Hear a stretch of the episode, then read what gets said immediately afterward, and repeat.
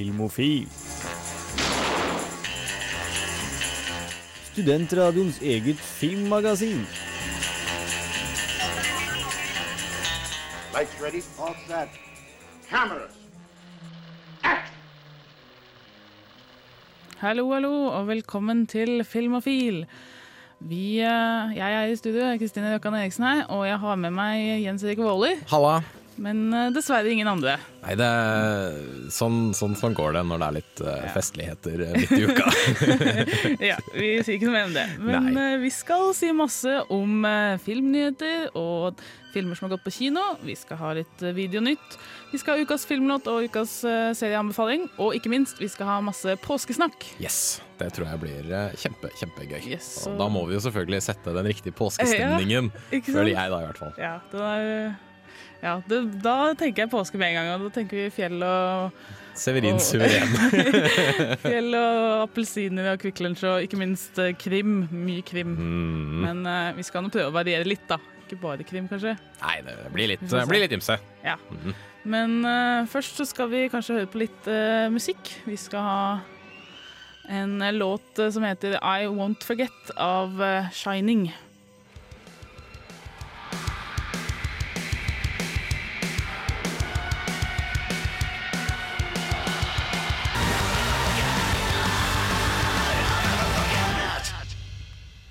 Hallo, velkommen tilbake til Filmofil, og vi skal ha filmnyheter. Filmofil gir deg nyhender fra filmen og fjernsynets i spanende vær.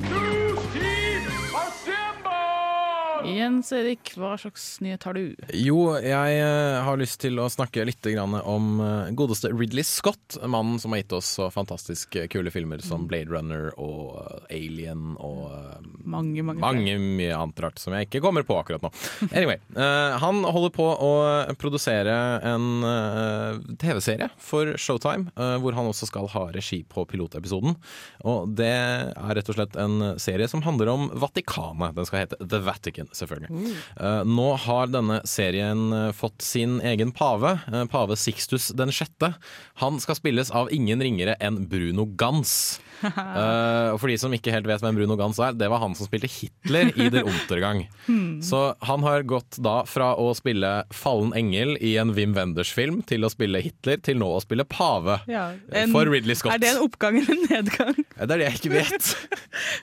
Nei, men så, nå, nå, vet vi ikke så veldig mye om hvordan denne paven kommer til å være, da. Men om man altså jeg, jeg, håper i hvert fall at det ikke blir en sånn Ratzinger-kopi. For da, da ja. blir det liksom, litt, litt, for kort vei da, mellom uh, ja, Hitler og sånn, pave.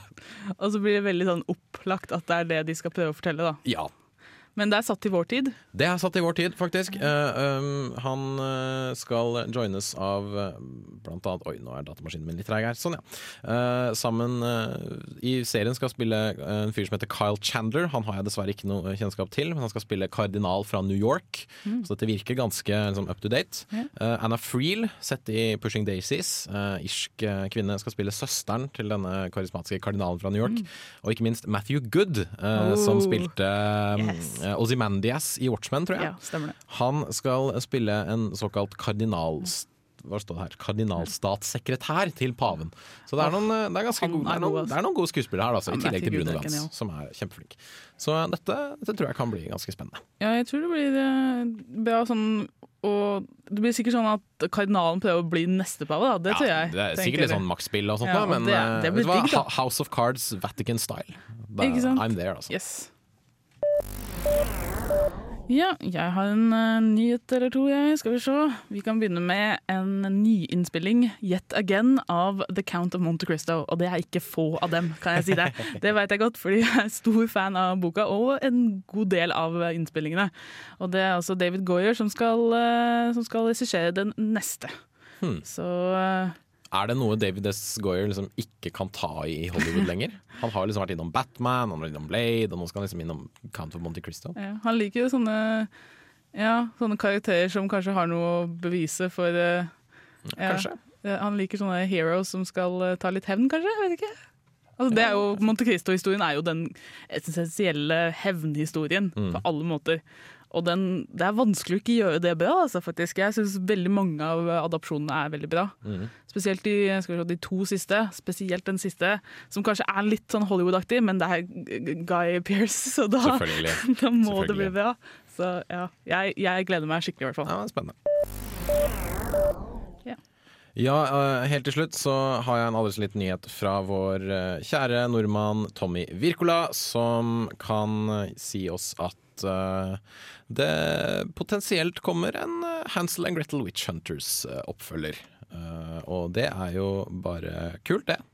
Tror jeg. Du Jeg har ikke det? sett filmen ennå, så jeg veit ikke. Jeg har sett veldig blanda anmeldelser. Det er noen som bare syns det er bare møl, og andre som syns det er ganske sånn hyggelig entertainment. Liksom, som Ja. helt greit. Men den har tjent 200 millioner dollar, så det er tydeligvis nok da for Paramount å tenke vet du hva, det her det kan vi slenge litt ekstra penger på og gi en oppfølger til. Men tror du de greier å få med Jeremy Renner nå som han er liksom inne i den Hawkeye eh, Jeg vet ikke, kanskje. Altså, jeg, jeg regner jo med at han, han, han slår meg som en fyr som, som, som gjerne vil jobbe hele tiden. Ja. Så uh, vi får, vi får satse på det.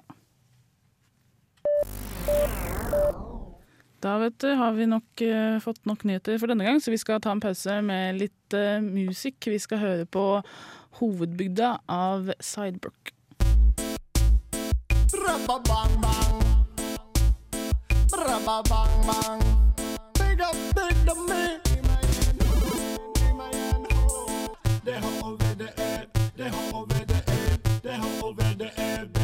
Med sidebruk, vi kjører fra havnebygda. Det er den beste bygda. Den bygda, bygda.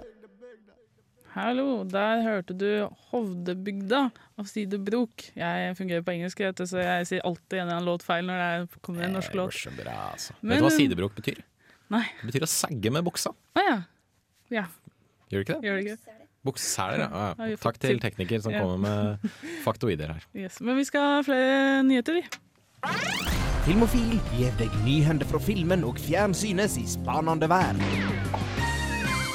Jens Erik, du har litt mer? Ja, jeg har det. Og, altså, dette her er en litt sånn fjasenyhet, syns jeg. Men jeg har, jeg, har lyst til å ha det med, altså. Fordi uh, Patrick Stewart, uh, mannen vi alle er glad i, ikke sant? Captain Picard, Professor X Sir Patrick, sier vi nå. Sir Patrick, ja, selvfølgelig. Patrick Stewart. Han skal gifte seg. eh, uh, med en jazzmusiker som eh, har, tydeligvis har vært hans kjæreste en stund. Kult for han. Kjempebra. Uh, greia er den at Han skal gifte seg i staten Massachusetts i USA, der de tydeligvis har en sånn uh, Det de kaller en one day marriage designation-lov. Hvilket uh, lar en eh, nær venn eller en slektning av de som skal gifte seg, altså, eller av en av de som gifter seg, og, og vie paret, rett og slett. Da. Så det eh, Patrick Stewart har gjort Han har gått til sin gode venn uh, Ian McKellen, sir, Sir Ian, Ian. McKellen, Sir Ian, bare. Du sier ikke etternavnet. Unnskyld, sir Ian, eh, og spurt du, har du lyst til å Har du lyst til å vie meg og kjæresten min, eller? Og da sa Ian McKellen, vet du hva, det har jeg lyst til. Så, dette syns jeg er veldig kult. Professor X skal gifte seg, og mannen som skal stå og vie han, det er Magnito. Fy flate. Alt du trenger er James McAvoy og Fassbender som forlover. Ja, ikke sant? Det hadde Altså, vært perfect. Å, ja. Nei, jeg bare Det er fjas som bare rakkeren. Det Ja. er uh, kjendissladder, Vi vi har lov til å ha litt Ja, ikke altså, det er ikke ofte vi Og, gjør det. de, de skal jo spille i film nå sammen, i den X-Men Days of Future Past, og dette syns jeg var Ja. veldig passende. da At uh, Ian McKellen skal, eh, skal få lov til å vie Patrick Stewart og kjæresten hans. Ja, men da får vi bare si gratulerer til dem. Ja, jeg har en eh, gammel uh, nyhet, eller ikke gammel uh, sak, nostalgi, som kommer frem. Og det er at det skal bli en Goosebumps, eller Grøsserne-film. Oh, var du fan av den der Goosebumps TV-serien? Ja, det var For det jeg. var jeg. Det, altså Are You Afraid of the Dark, de to var sykt bra. Men jeg hadde, jeg hadde ja, gudene veit hvor mange av de bøkene. De, altså de der grøsserne, mysteriegrøsserne, hvor du kunne velge Choose Your Own Adventure. Åh, første, ja. Men vi, eh, det, har, det har vært i, i sånn in the works da, ganske god stund, siden 2008. Så nå har vi da rykter om at han, eh, regissøren bak eh, Monsters vs. Aliens, Rob Letterman, at han skal eh, komme inn og lage Goosebumps. Spennende. Så det tror jeg passer veldig bra for den Monsters og Aliens. Altså den type humor da, Det skal jo være litt humor i, i Goosebumps. Du kan jo ikke, Litt kan sånn svart og ikke ja. Det kan ikke være skummelt sånn helt streit. Liksom. Du må ha den derre Ja, Men uh, Monsters vs. Aliens var jo en animasjonsfilm. Mm. Vet vi noe om denne Goosebumps-filmen blir live action eller animasjon, eller hva? Nei, dessverre. Vi, det kan gå begge veier, tror jeg egentlig. For jeg tror det funker på en måte med dagens sånn CGI, så hadde det kanskje vært kult med live action, altså bare lagd helt sånn crazy monster. da. Men det, det som er at Sony har eh, rettighetene til skal vi se, 50 av de bøkene. Så de kan jo velge vrake eller blande, eller vi veit jo ingenting sånn sett. Ja, jeg ser litt for meg at det kunne kanskje blitt en kul sånn skrekkantologifilm for, for de litt yngre. da Hvor du kan, liksom, du kan skremme dem, men du trenger ikke å gå liksom kjempeekkelt og liksom fælt inn. Da. Det er liksom ikke sånn Du trenger ikke lage en, en halloween, for å si det sånn. Du kan bare lage en, en film som er litt skummel, som yngre uh, publikummere kan se. Det tror jeg kunne vært noe. Mm, det tror jeg. En siste nyhet. eh, Har du det, Jens Erik? Eh, Å, herregud. Uh, jeg var ikke forberedt på at vi skulle ha en siste nyhet. Men vet du hva, det kan jeg faktisk finne fram ganske kjapt. Uh, godeste Brett Ratner skal lage en film basert på vår Altså heltenes helt, vil jeg påstå. Hercules. Åh, Ja, det liker eh, vi. det liker vi. Eh, og eh, hvem skal spille Hercules, spør du? Jo, det er Dwayne The Rock Johnson. Tidligere fribryter og nå actionstjerne, og fribryter igjen. Men i denne filmen så skal blant annet Aksel Hennie spille håndlangeren til Hercules. som en fyr som går rundt med doble økser og visstnok er så klin gæren at de må lenke han til senga hver kveld. I, tillegg så er det en fyr ved navn Å, herregud. Rufus Sewell, S-E-W-E-L-L, eh, som skal spille så mye som eh, mestertyven Autolycus. Ah. Og de som kanskje var fans av Xena Warrior Princess og uh, Hercules The Legendary Journeys på 90-tallet, de husker kanskje at Autolycus han ble spilt av selveste Bruce fucking Campbell. Oi. Så uh, denne stakkars fyren, Rufus Sewell, han skal nettopp Han skal fylle ja. skoene til Bruce Campbell. Han. Det tror jeg blir veldig vanskelig. Nei, uff, nei. Det, ja, det kan bli jævlig kult. Det kan Men, bli eh, kjempespennende. Ja. Men uh, jeg tror uh, jeg Hercules Nei, nei Dwayne, Dwayne The Rock som Ja. Hercules. Jeg kjøper det, altså. ja, det gjør vi klart. Ja. det var alle nyhetene vi hadde for denne gang. Vi skal ha litt mer uh, musikk. Vi skal ha lesson number 13 for Nanker Nanker. Felch slash Fire. Av Death, Death Crush. Is this what you want? Feel a need, your thoughts, give in to me. I know, I know this feeling. Feel a need, occupy your thoughts, give in to me. Yippee-ki-yay, motherfucker. Du lytter til Filmofil på Radio Revolt. Besøk oss gjerne på våre nettsider på radiorevolt.no filmofil.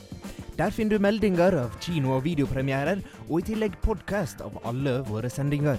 Har du ris eller ros, tips eller triks, kontakt oss gjerne på elektronisk post.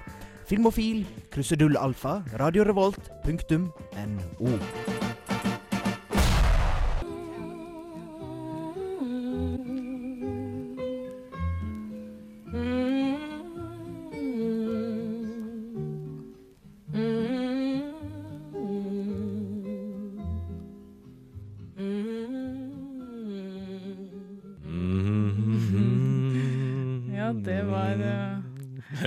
eh, The Traveler av uh, Tal... Åssen sier man det? Talib Kweli. Talib Kweli. Veldig fin låt. Mhm.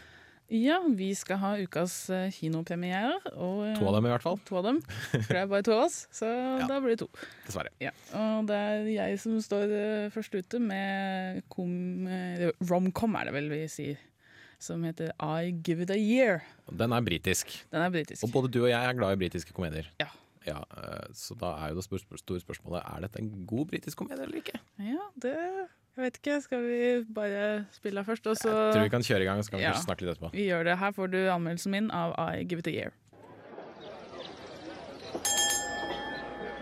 Fornication. I'll read that again.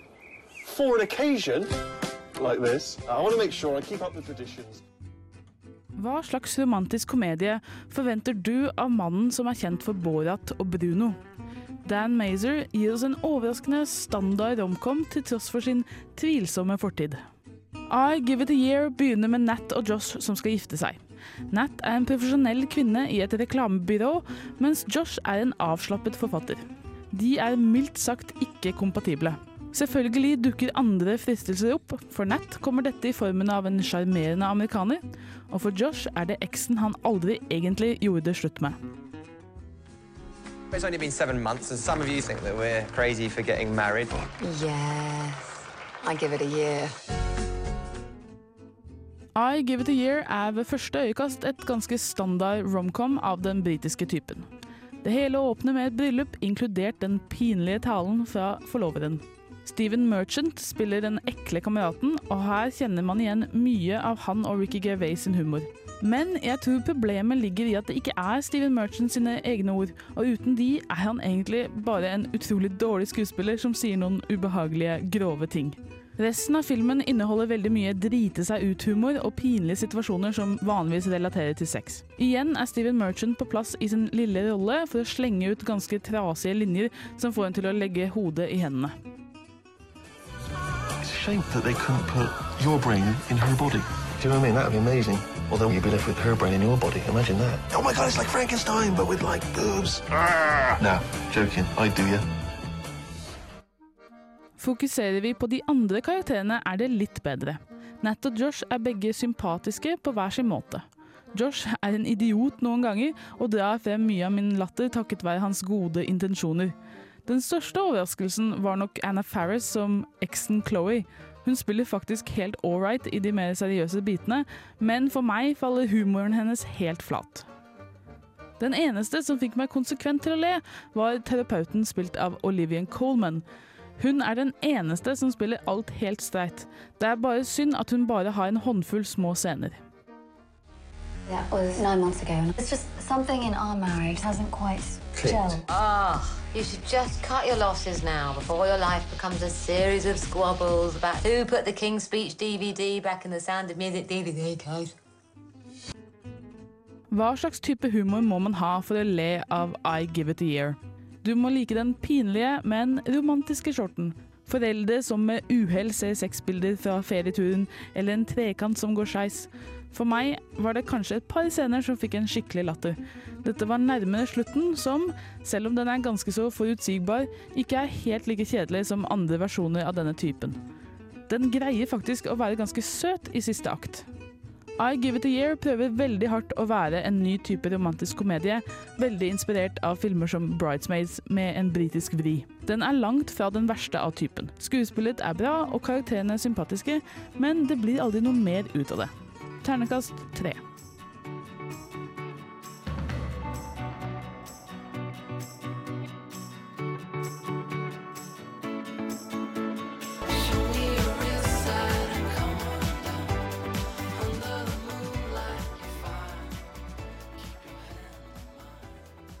Da var det 'Lose That Gun' av eh, Drammensgutta Alfred Hall. Og før det hørte du min anmeldelse av I Give It A Year. Som uh, And I give it a three. You give it a three. yes. Uh, ja, en av, en av tingene som på en måte solgte meg på den filmen, her Det var det at Steven Merchant var med. Ja. For jeg syns Steve, Steven Merchant er flink. Han er god, altså. Uh, men han, det virka, ut fra denne anmeldelsen så virka det som om han stort sett er bare flink når han får gjøre altså, replikker han har skrevet sjøl, eventuelle replikker han har skrevet med Ricky Gervais. Ja, det er, det er noe Jeg tror det som var problemet mitt. Fordi det er jo han, eh, han Dan Mazer som har laget den filmen her, og han har type Ali G, Bruno, Mm. eh, Borat. Alle de der.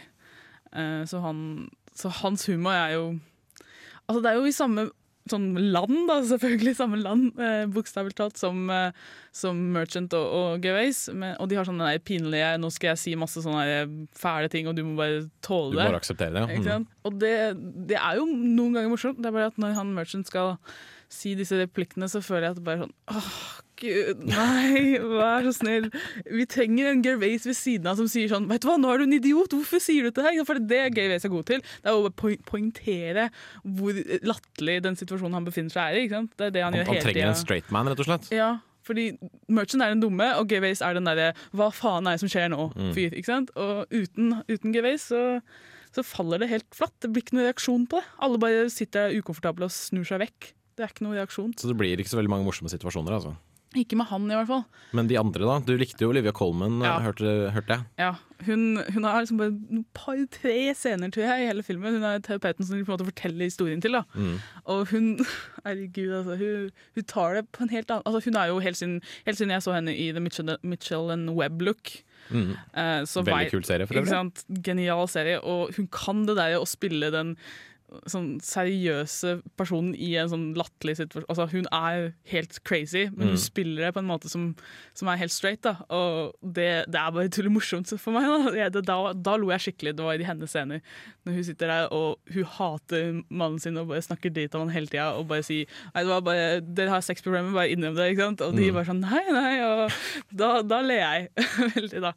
Men eh, ja, ellers så var jo altså var, jeg tror den var veldig inspirert av type Bridesmaids. At de skal ha den der pinlige Nå skal forloveren reise opp og ha en pinlig taleopplegg, og nå skal vi drite oss ut med ja, dette ut av senga og sånn. Ble litt forutsigbart, kanskje? Ja, litt. Og så var det et par scener som var kanskje Oi, det her kan være originalt! Og så faller vi liksom nedpå igjen det Mm. vanlige.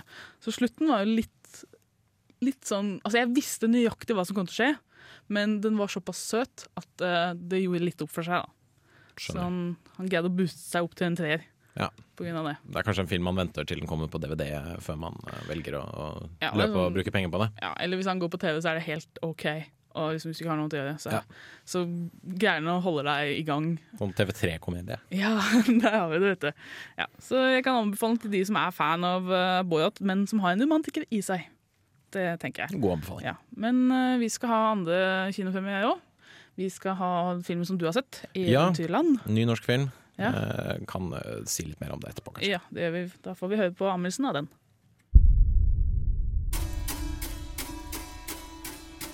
Jeg tror kanskje jeg er gravid. Meg og deg og en kid. Men hvorfor ikke?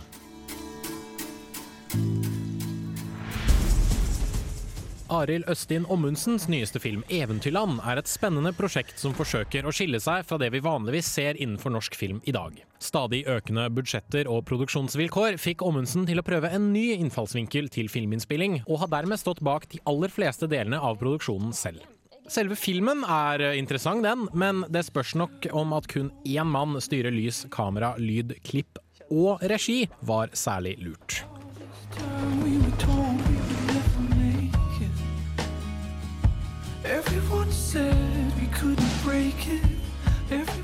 Silje Salomonsen spiller Jenny, som ved et uhell dreper en mann og skadeskyter sin egen kjæreste under det som skulle vært en ufarlig narkotikasmugling. Hun råker selvsagt inn i fengsel, men tilværelsen får en aldri så liten hake. Hun er nemlig gravid, og hennes datter vokser opp utenfor fengselsmurene med lite kontakt med sin mor. Når Jenny slipper ut igjen etter ni år, forsøker hun desperat å få livet på hæl, men hun hjemsøkes av ubetalt gjeld fra sin fortid. Det blir en kamp for håpet, livet og ikke minst datteren, der én kvinne må stå alene mot de som er ute etter henne. Nå er jeg tilbake igjen. Jeg er mora hennes. Jeg vil ha hun hos meg. Kjenner noen som skylder deg bank. Hvis det er en historie som høres kjent ut, så er den det. Den tidligere fengselsfuglen som forsøker å få skikk på livet sitt etter å ha sittet inne, er et velbrukt utgangspunkt for bøker, filmer, TV-serier og mye annet. Jeg tror likevel at det er sjeldent vi har sett en kvinne spille rollen som fengselsfugl. Jenny må takle alt fra store nordlendinger som gir henne bank, til hvordan hun skal skaffe penger til å betale rørleggeren sin. Til tross for original vridning på en særdeles utspilt og forslitt historie, blir Eventyrland til syvende og sist en ganske rotete smørje. Jeg har sonet min dom. Jeg har betalt for det. Kjære deg, du har ikke noe valg. Aller først så er det filmens antagonist Tønder. Det er den svære nordlendingen jeg nevnte i stad, som har en av de tynneste motiverende årsakene jeg noen gang har sett i en filmskurk. Han er absolutt en eh, truende figur rent fysisk, men da jeg fikk vite hvorfor han ønsker å ta knekken på Jenny, måtte jeg bare riste på hodet og sukke høyt. Det hjelper heller ikke at filmens manus er ganske banalt, og at vi kan se alt som kommer til å skje i filmen på mils avstand. Det blir for enkelt, og lite overraskende, med en teknisk gjennomførsel som er interessant, men som ofte blir rotete og uoversiktlig. At filmens regissør har filmet alt sammen selv, i tillegg til å styre lyssetting og lydarbeidet, har nok vært litt mye jobb for kun én mann. Dette resulterer i at Eventyrland er verken kjempefantastisk eller et fullstendig filmatisk makkverk. Til syvende og sist munner det ut i enda et norsk filmprodukt som ikke kan karakteriseres som annet enn helt OK. Terningkast tre.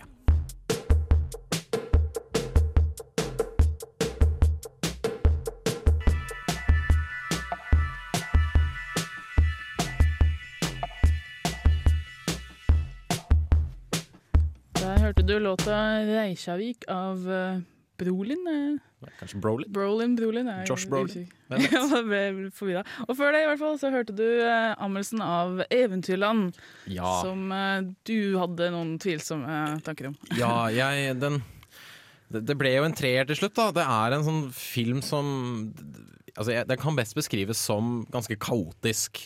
Både liksom i innhold og i, i, i utførsel. Da. Fordi det er, det én mann som uh, står bak alt sammen. Det er han, filmens regissør har laget seg en sånn svær sånn kamerarigg som han bruker til å filme med. Og så har han mikrofon, og så har han noen sånne lamper på den. Da. Mm. Som han har jo bare liksom nesten løpt rundt og etterfulgt disse skuespillerne mm. i filmen. Da. Og jo da, de får en del frihet til å liksom spille ut scenene sånn som de vil, og liksom utforske rommet rundt dem og alle de greiene der. Og i flere av scenene så men, men det som skjer da, er at han må han må jobbe så utrolig hardt for å holde tritt med skuespillerne.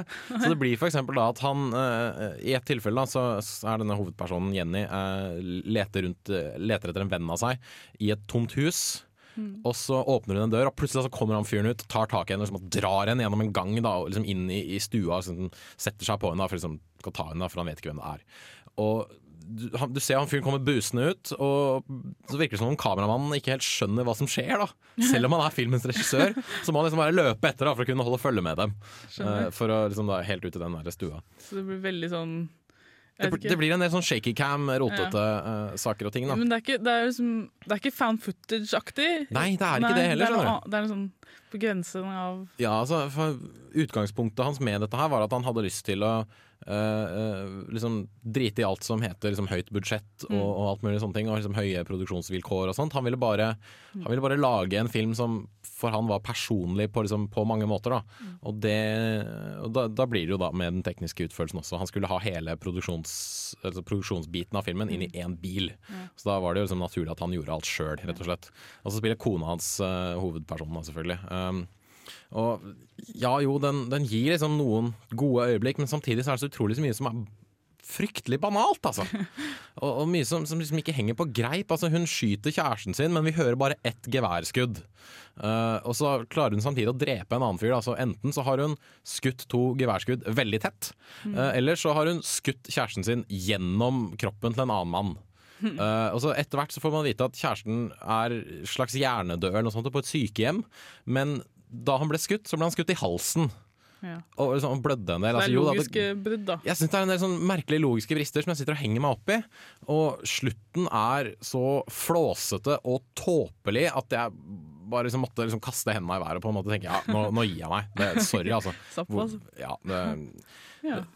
det, det er sånn frustrerende, for jeg ville gjerne like den også. Ja. For jeg tenker når, når jeg hører lavbudsjett, så jeg er sånn enorm YouTube-bruker. Mm. Eh, og der er det mange utrolige talentfulle folk som lager fantastiske ting, lange ting, Mm, med så å si ingen budsjett i det hele tatt. At de får jo litt sånn ad money hvis de allerede er populære, men Mm. det, det er jo ikke alle som er heller.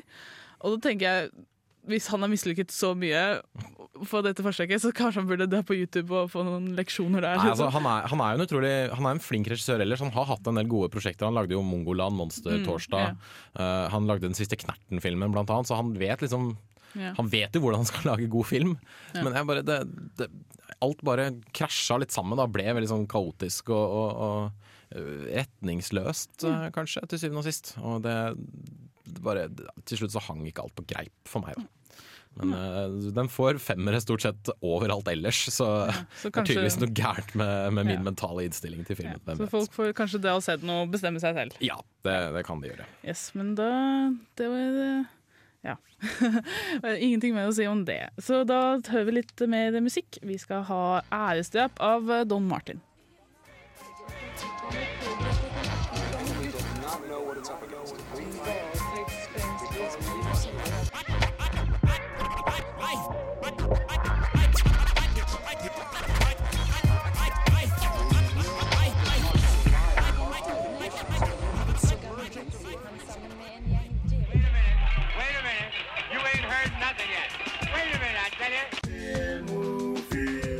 Vem?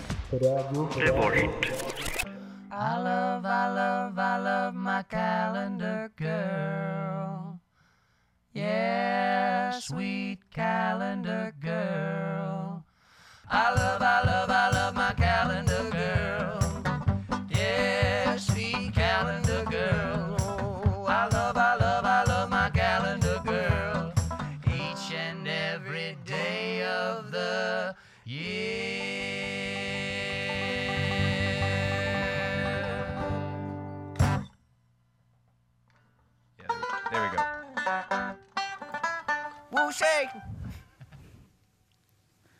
Ja, det var uh, Calendar Girls av uh, Shaky Graves.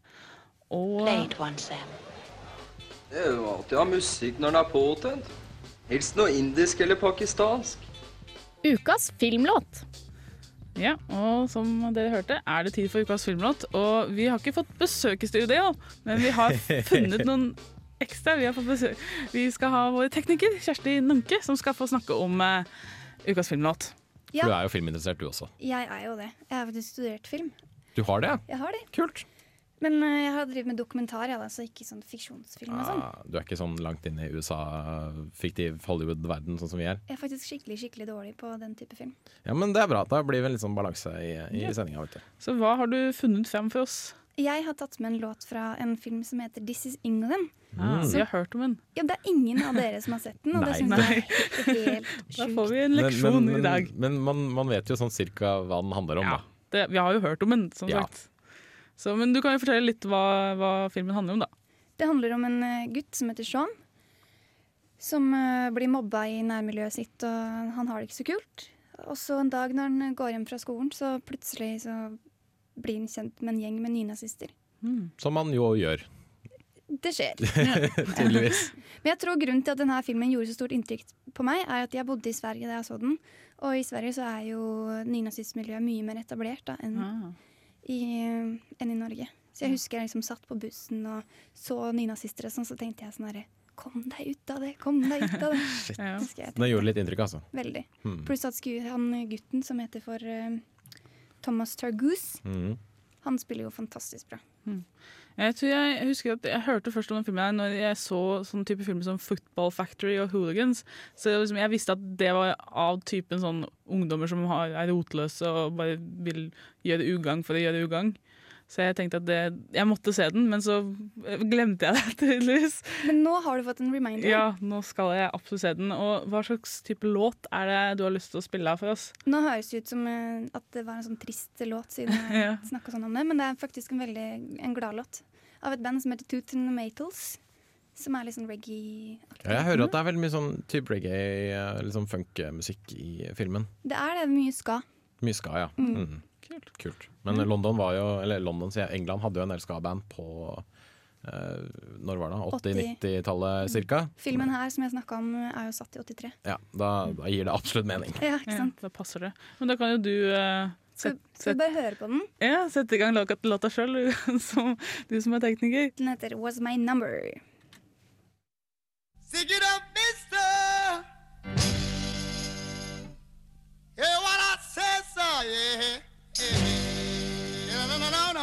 Ja,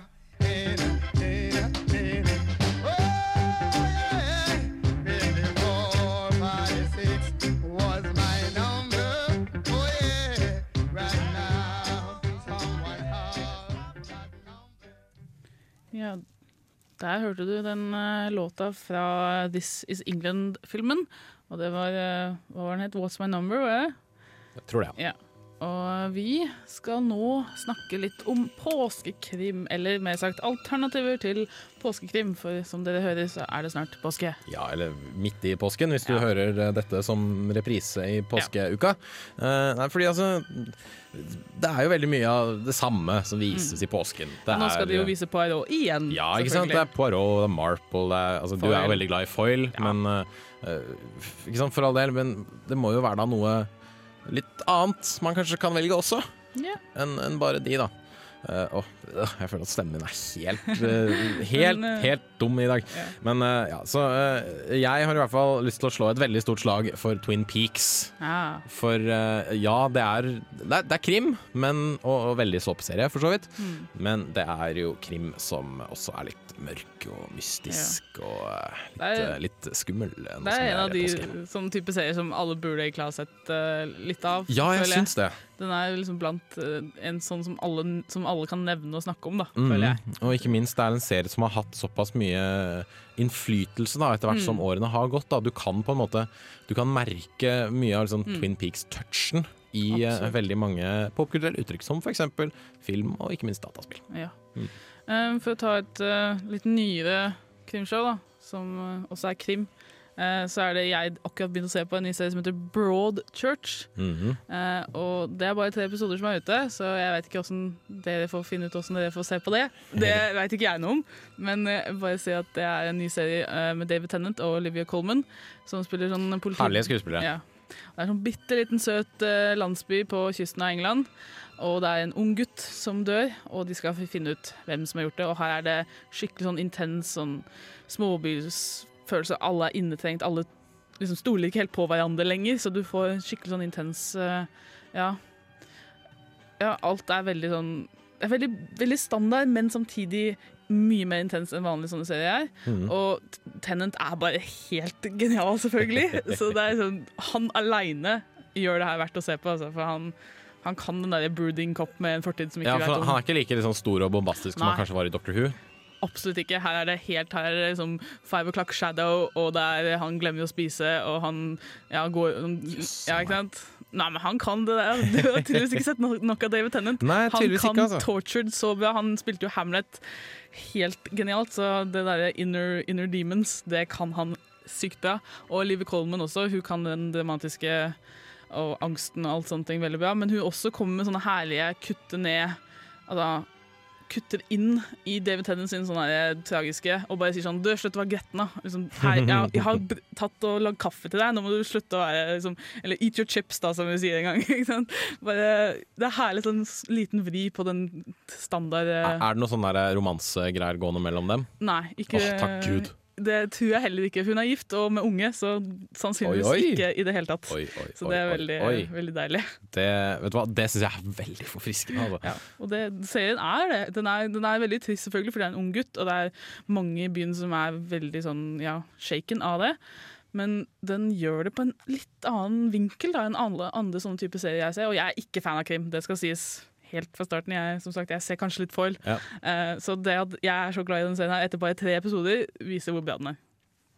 Det høres ut som en, et godt valg. Ja. Um, Vi kan kanskje ta en låt, og så kan Ja, vi si. anbefale litt mer. Ja, vi skal Mm. høre på eh, The Dancing Show av eh, Dandy Distorted.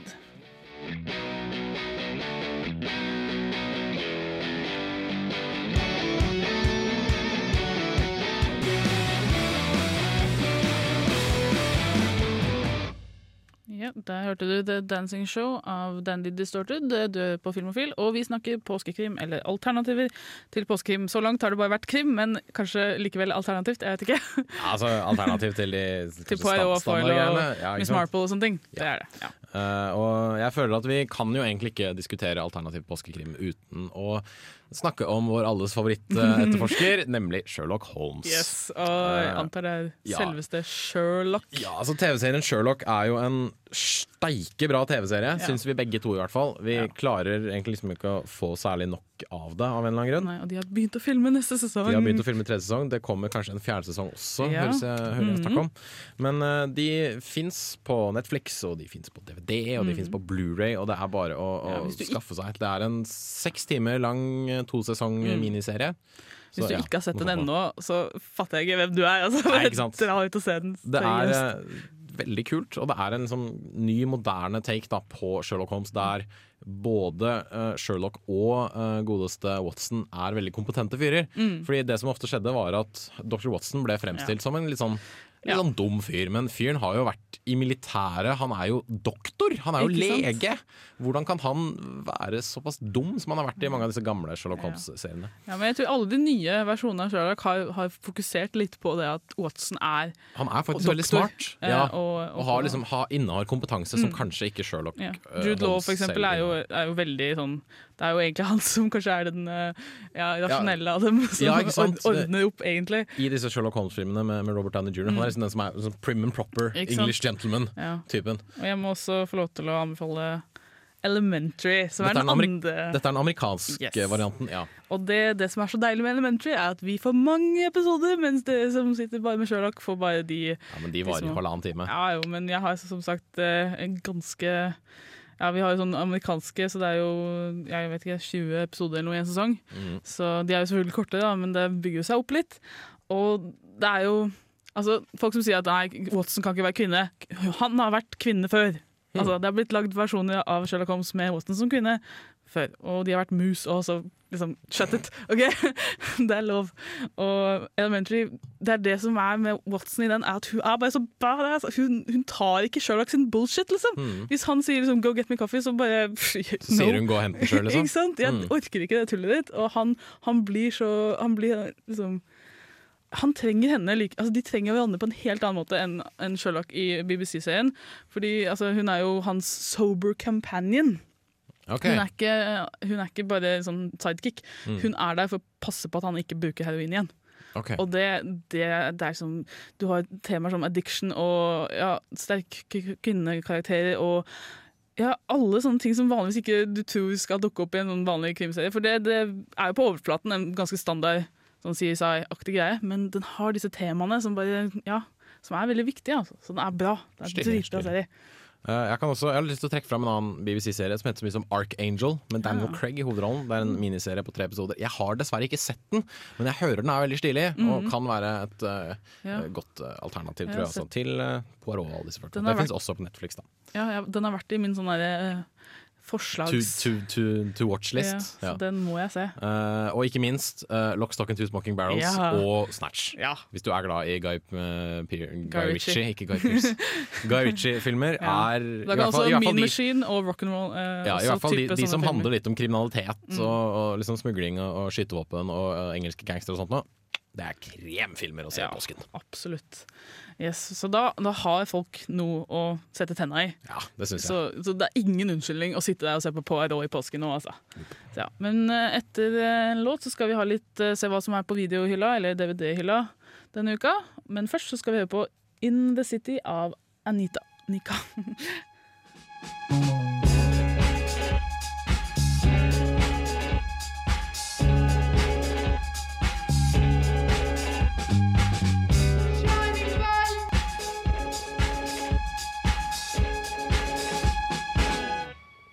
Ja, da hørte du In The City av Anika. Og vi skal høre litt på eh, hva slags type filmer vi har på DVD og Blu-ray.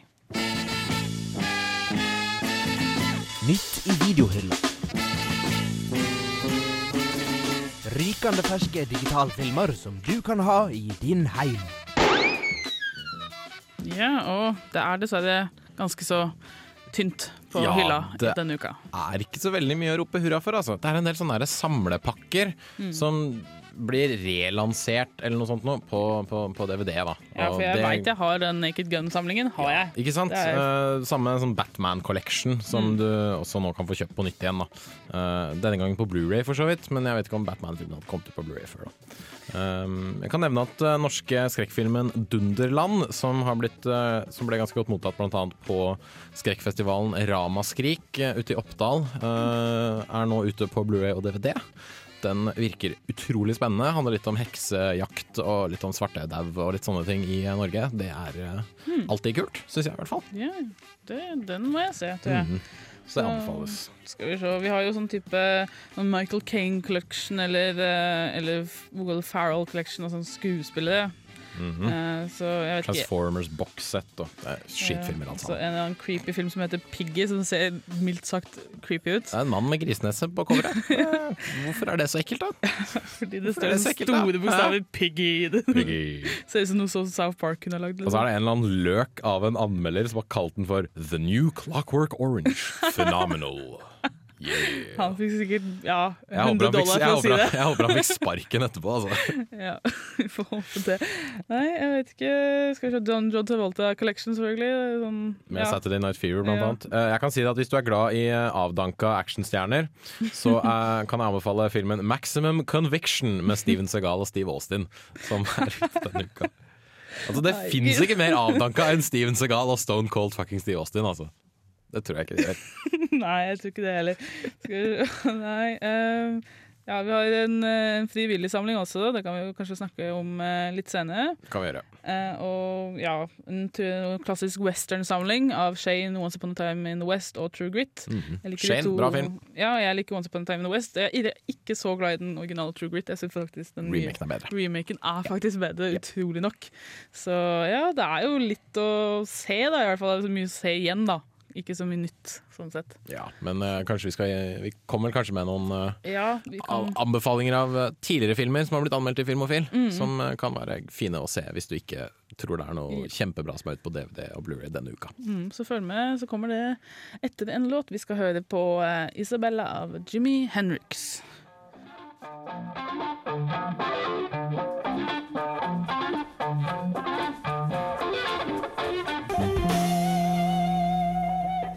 Yippee-ki-yay, motherfucker. Du lytter til Filmofil på Radio Revolt. Besøk oss gjerne på våre nettsider på radiorevolt.no filmofil. Der finner du meldinger av kino- og videopremierer, og i tillegg podkast av alle våre sendinger. Har du ris eller ros, tips eller triks, kontakt oss gjerne på elektronisk post. Filmofil, krusedullalfa, radiorevolt.no.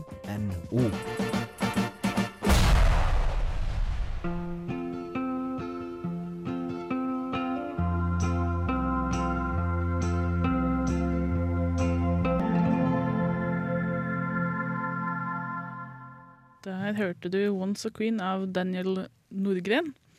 Og eh, hvis du er innesnødd i løpet av påsken, så er det en film vi har lyst til å anbefale. Og den får deg sikkert til å ha lyst til å gå ut og leke i snøen. For det er eh, nemlig The Grey. Og nå skal du få høre anmeldelsen av den. A job at the end of the world. I work security, protecting men from the dangers they cannot see. There's not a second goes by when I'm not thinking of you in some way. Hardbarka og brutale menn mot en enda hardere og mer brutal natur. Slik er The Grey best oppsummert i én setning. Liam Neeson spiller Otway, en gråsprengt og ensom skarpskytter som jobber for et stort oljefirma i nordre Alaska. Hans jobb er å holde de mange ulvene i området vekk fra arbeiderne mens de jobber på de store oljeledningene. Etter sin siste arbeidsdag skal Otway og de andre oljearbeiderne fly sørover mot Anchorage, men selvsagt går alt fullstendig åt skogen. Bokstavelig talt.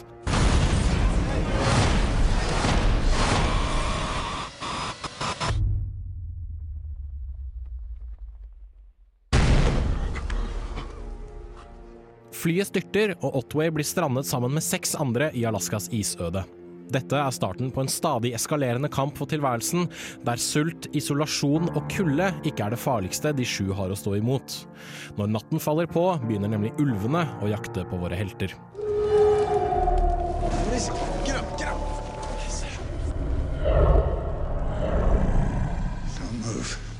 Right back at him. If we can get to that tree line, we can better defend ourselves. Regissør Joe Carnahan har tidligere laget høyoktans actionfilmer som Smokin' Aces og The A-Team, men The Grey er en langt roligere affære. Her handler det ikke så mye om action og store kampscener som det handler om overlevelse, mann mot natur og brutal virkelighet. Dette er en film om menn og maskulinitet, og hva som skjer når denne maskuliniteten må møte en natur som ikke gir fletta om de overlever eller ikke. Men det betyr ikke at filmen er kjedelig. Når Carnahan vil, skrur han spenningsnivået opp betraktelig, og jeg satt flere ganger med pulsen i høygir og øynene på stilk.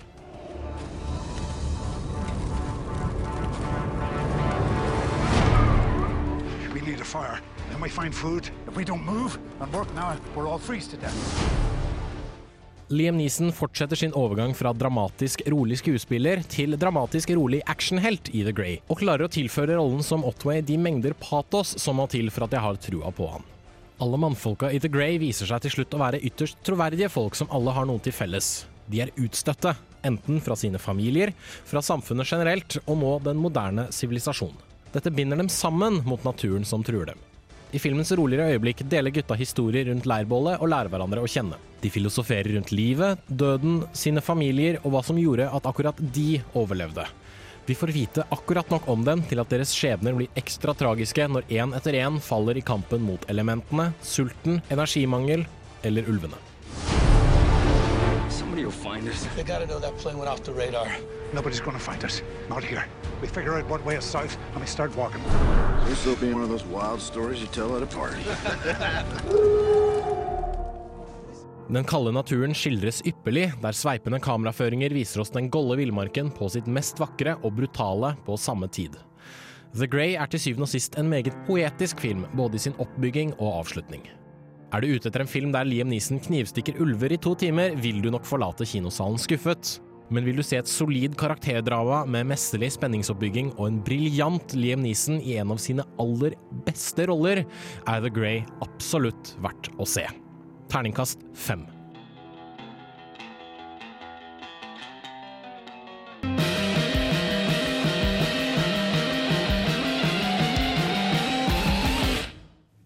Det var iClops av eh, Jula. Jula. Og vi sier det. Og før det så hørte du anmeldelsen av The Grey, som vi anbefaler for de som eh, liker å sitte inne når det er kanskje litt dårlig, dårlig vær ute og det snør og ja. Herlig, herlig film, altså. Ja. Mm, virkelig. Vi har eh, en til anbefaling.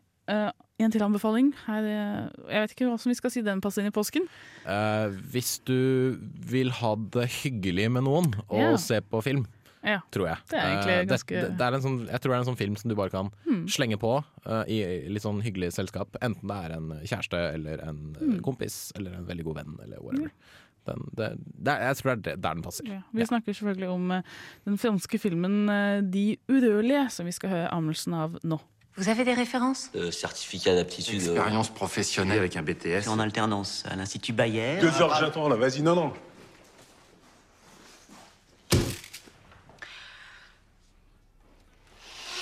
Vi har sett det hundre ganger før. En anspent og litt prippen overklasseperson møter et frittalende og frigjort individ fra en lavere sosial klasse, og begges liv forandres til det bedre. Det er som regel den type film komikere lager når de vil spille mer seriøse roller.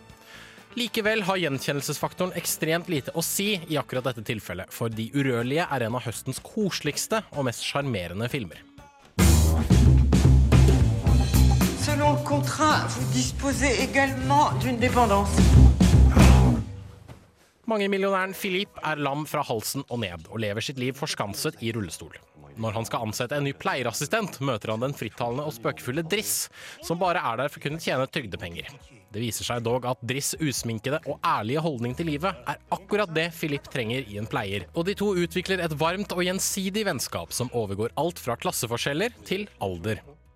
Filmen er basert på historien om Philippe Pozot di Bojo og Abdel Selou, som møttes og ble venner under samme omstendigheter. Det faktum at historien er sann, gjør ikke spesielt mye fra eller til, men det varmet hjerterota litt ekstra å se hvordan et slikt vennskap kan vokse ut fra noe så enkelt som et tilsynelatende mislykket jobbintervju. Allez de vous, Philippe. C'est qui ce type Autour de toi, tout le monde s'inquiète. Bon, il est grand, il est costaud, il a deux bras, deux jambes, un cerveau qui fonctionne, il est en bonne santé. Trop long là Les gars des cités, ils n'ont aucune pitié. C'est ce que je veux. Aucune pitié. Ikke bare er filmens manus eksepsjonelt godt skrevet, det beveger seg framover med en god flyt og et tempo som aldri blir for høyt eller for lavt. Filmens regissører og manusforfattere behandler sin tematikk med respekt og ydmykhet, men er heller ikke redde for å gjøre noen sleivspark mot et samfunn som behandler sine handikappede med silkehansker. Forvent også mange vitser om fransk overklasse mot underklasse og lavkultur mot høykultur. Som sagt, du har garantert sett det før, men fy søren så morsomt det er. Skuespillet er også meget naturlig og uanstrengt. Spesielt Francois Cluzet, som kun kan bevege hode og ansikt, gjør en troverdig prestasjon som Philippe. Omar Sy ligger heller ikke på latsiden og spiller Driss som en veltalende og åpenhjertig ung mann som alltid forsøker å ha et positivt syn på livet.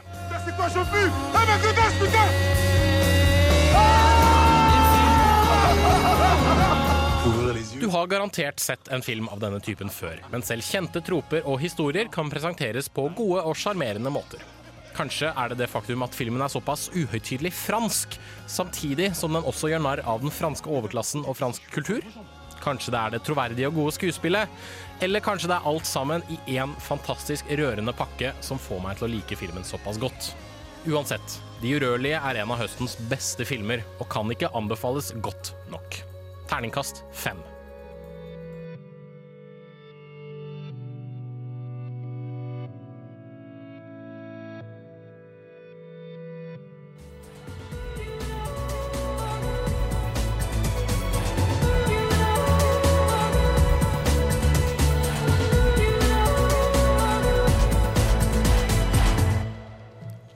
Var Metal and Dust av eh, London Grammar, og før det hørte du anmeldelsen av eh, De urørlige, som eh, jeg må tydeligvis se med en eneste gang. Ja, det syns jeg du må. Ja.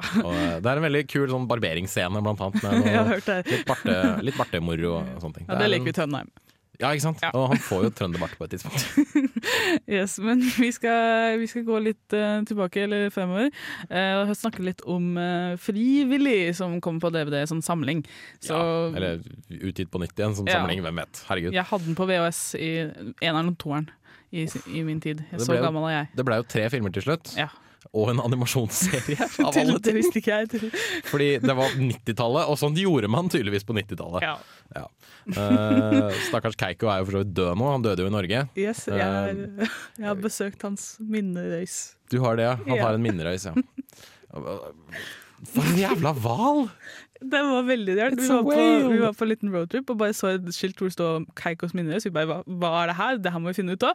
Gikk eh, ti minutter på en sånn landevei og så ned en sånn lang, lang bakke, sånn gjørmete Ja. Og så fant vi sånn svær steinhaug av små steiner med masse bamser og små puter altså hjerteforma puter og kort. Og steiner som var skrevet Keiko på.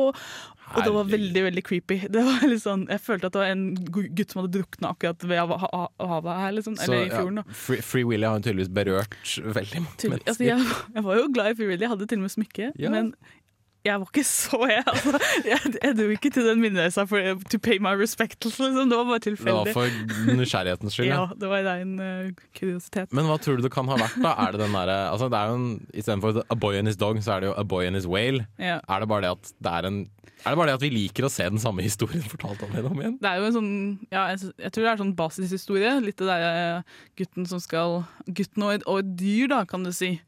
Eh, Det at vi kan finne sånn menneskelighet i, i dyr, jeg tror jeg er veldig app- appellerer til mange. Så var det, når, når Free Willy kom, så var det jo så var jo, altså Før det så var jo det sånn killer whales. altså De heter jo det på engelsk. Killer whales. Og, og de skulle jo altså Folk trodde jo de var sånn creepy og, og, og slemme, og at de angrep folk. Så jeg tror at den, den filmen på en måte Kanskje avskrekka dem litt? ja, og gjorde sånn Å, det er sånn Gentle Giants istedenfor. Så det var litt sånn Det tror jeg vi likte veldig godt, at det var sånn stort dyr i havet som kunne være snilt. liksom. Det, det likte vi veldig godt. Mm. Og det er jo en veldig søt film. Det er det jo, men det er, vel, det er vel bare ET med en hval. Jo, det er vel det. Men eh, jeg syns, jeg syns på en måte at for, altså, ET er, er litt creepy, da, fordi han er litt Han er stygg. Ja, og så kan han snakke i tillegg. Ikke sant? Så, sånn sett foretrekker jeg Free Willy for de aller minste. Fordi Mm. Free Willy er bare søt og lager sånn lyder. Og, ja. og så er det jo litt sånn Native American-greier inni der også, så det er veldig sånn med naturen og bla, bla. Det, det var veldig noe rart som skjedde på 90-tallet med mm. liksom, mennesker og dyr. ikke sant? Flipper var jo en TV-serie Ja. som gikk. Ikke sant? Og Free, Willy-filmene. Uh, Skipper, Skippy Ja, gikk på. TV, i hvert fall. Mm. Lassie var en stor del, er en stor del av USA. Ja. Uh, så hadde du Homeward Bound-filmene, som jeg Mhm. elska så sykt. Herlige filmer. Ja. Det, det, det var vel litt, altså 90-tallet på en måte skjønte liksom Vet du hva? Med dyr i liksom litt umulige situasjoner, det tjener vi penger på. Ja.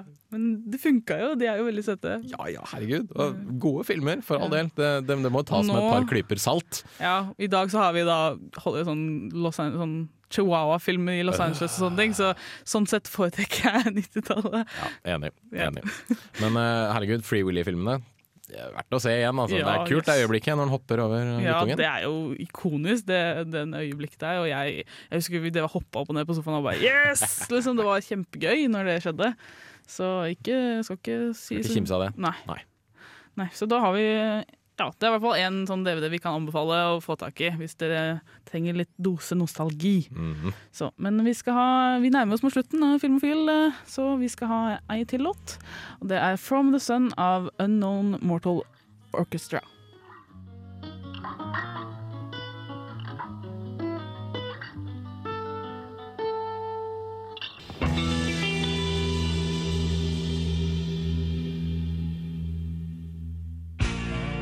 Hei! Hei! Det er ikke 90s sitcom-flashback. Ta og Skru på noe annet. Ja, bedre, men prøv igjen. Der, ja! Ahem. Filmofil presenterer ukas serie. Ja, vi skal ha ukas eh, serie selvfølgelig før vi dør. Har jeg fått besøk av selveste Batman? I'm Batman. Nei da, jeg er nok ikke Batman. Uh, hadde det bare vært så vel. Uh, men Hva slags man ville du ha vært i stedet for Batta, for å spørre? uh, Dogman Nei, jeg vet, vet ikke. Catman, kanskje? Nei, nei, nei, nei, nei, det er teit. Sharkman. Jeg vet da fader. Anyway, uh, uka, jeg, jeg har eh, gravd litt i uh, mitt uh, animasjons, animasjonsserielager, holdt jeg på å si, hjemme Ja. på hybelen, og tatt fram Batman The Animated Series. For det er jo krim, og det er påske. Ja, nettopp. Det er litt derfor jeg tenkte sånn OK, krim, påske. Skal jeg ta Dexter? Nei, Dexter er teit. Vi tar Batman. Batman Yeah. er kult. Uh, og ja, det er animasjon, men ikke la det skremme deg. Uh, for dette her er en av de definitive uh, behandlingene, holdt jeg på å si, eller kreative behandlingene av Batman, Mm. som jeg tror sitter igjen hos veldig mange mennesker, oh, ja. altså, som vokste opp på 80- og 90-tallet. Mm. Uten tvil. Det er, det er liksom den jeg forbinder Altså Hvis jeg skulle anbefale å begynne med Batman et sted, da, til andre som aldri har sett Batman, så sier jeg ta hvis du skal Se Batman The Animated Series. Ja, se den Mm. først. Den uh, var veldig påvirket av denne Tim Burton-filmen, Mm. uh, men uh, gjorde litt som sin egen stil da, og hadde en sånn tidløshet ved seg. Da, Mm. Der du kunne, De hadde datamaskiner, eksempel, men de hadde også biler som så ut som de kom fra 50-tallet. Ikke? Eh, det kjørte sånne luftskip rundt omkring i Gotham, samtidig som folk kjørte biler og tog og diverse andre ting. Da. Det så kult ut, bare. Ja? Og midt oppi alt dette her så var Bruce Wayne og Batman, og etter hvert så kom Robin inn. Mm. Og så hadde liksom alle disse skurkene da, som, som i ettertid da, har på en måte blitt ikoner i seg Mm. selv. Mark Hamill som The Ja, Joker, åh, Kevin. Conroy er en kjempekul Batman. Mm. Uh, og ikke minst så klarte han jo å introdusere en del uh, skurker og, og figurer som har blitt tatt med inn igjen da, i Batman-tegneseriene. For eksempel Harley Quinn, Mm. Jokers kjæreste. Uh, en, eh, en eh, skurk som har en vigilante som heter liksom Lockup, har blitt tatt med innover i, eh, liksom, i Batman-animasjonsseriene. Og det, det er bare en sinnssykt kul serie som tar Batman Mm. på alvor, eh, og liksom viser hvor liksom mørkt og voksent animasjon faktisk kan være. da Selv om det er Jo da, det er lagd for barn. Men det er likevel skummelt, veldig alvorlig, og liksom går inn i de psykologiske sidene ved, ved Batman likevel. Da. De tar publikummet sitt på alvor Mm. og sier at vet du hva, unger de, de kan forstå dette her. Det, det går an. Og sånn gjør de det. Så de har liksom ikke holdt seg nede på noen som helst måte. Og det syns jeg gjør serien veldig bra. Mm. Bra musikk, kul animasjon, bra bruk av farger, bra bruk av stemmer. Det er, jeg klarer liksom ikke å la være å bare prise det opp i skyene. Men Liksom. er det, er det krim, kan vi spørre deg, sånn til påske? Er det bra krim til påske? Ja, altså Batman er jo etterforsker, da. Ja, så jeg liker, å, jeg liker å kalle det krim, i hvert fall. Det er kanskje ikke så veldig mange sånne krimhistorier à la som du finner i f.eks. Uh, Poirot og Marple og de greiene der, men han må jo noen ganger løse eh, et par eh, mysterier. Og finne ut av hvordan han skal slå skurkene og finne, finne den som han må redde. Mm. Så jeg vil absolutt kalle det litt krim, ja. Det vil jeg. Kult. Ja, da har vi en skikkelig, skikkelig anbefaling. Ja, Volum 1 og 2 kan kjøpes på Amazon. for så vidt 3 og 4 også, men de kan du bare få i amerikansk utgave. Ok. Så, Yes. mm. Men da, da har vi masse krim å sette inn til påska. Ja, herregud. Og nå nærmer vi oss slutten av uh, film, vet du. Så vi skal ha en låt. Uh, vi skal ha 'Badilac' uh, av Pang Pangea. Pangea. Pangea. Jeg husker. Ja. Sikkert.